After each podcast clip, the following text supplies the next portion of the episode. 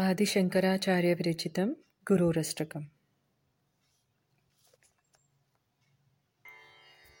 श्रीगुरुभ्यो नमः।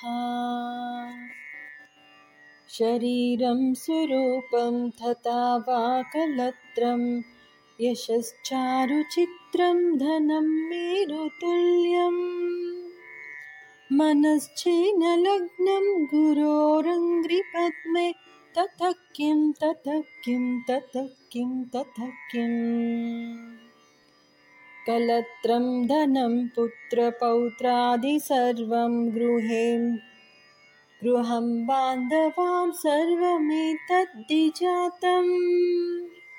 मनश्चेनलग्नं गुरोरङ्घ्रिपद्मे ततः किं ततः किं ततः किं ततः किम् षडङ्गादिवेदो मुखे शास्त्रविद्या कवित्वादिगद्यं सुपद्यं करोति।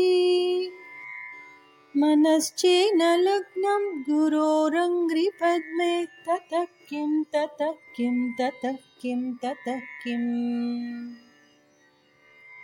विदेशेषु मान्य स्वदेशेषु धन्य सदाचारवृत्तेषु मत्तो न चान्य। मनश्चेन लग्नं गुरोरङ्घ्रिपद्मे।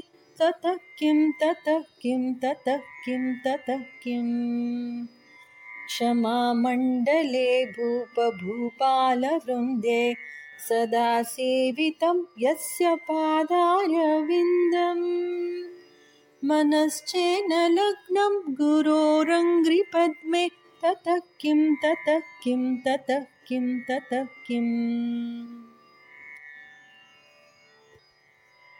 यशो मे गतं दिक्षु दानप्रतापा जगद्वस्तु सर्वं करे यत्प्रसादात् मनश्चेन लग्नं गुरोरङ्घ्रिपद्मे ततः किं ततः किं ततः किं ततः किम् न भोगेन योगेन वा वाजिराजौ न कान्तामुखे नैव वित्तेषु चित्तम्।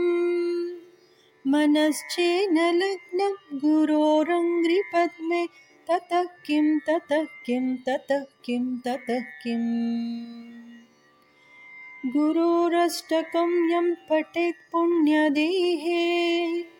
यतिर्भूपति ब्रह्मचारी च गेहे।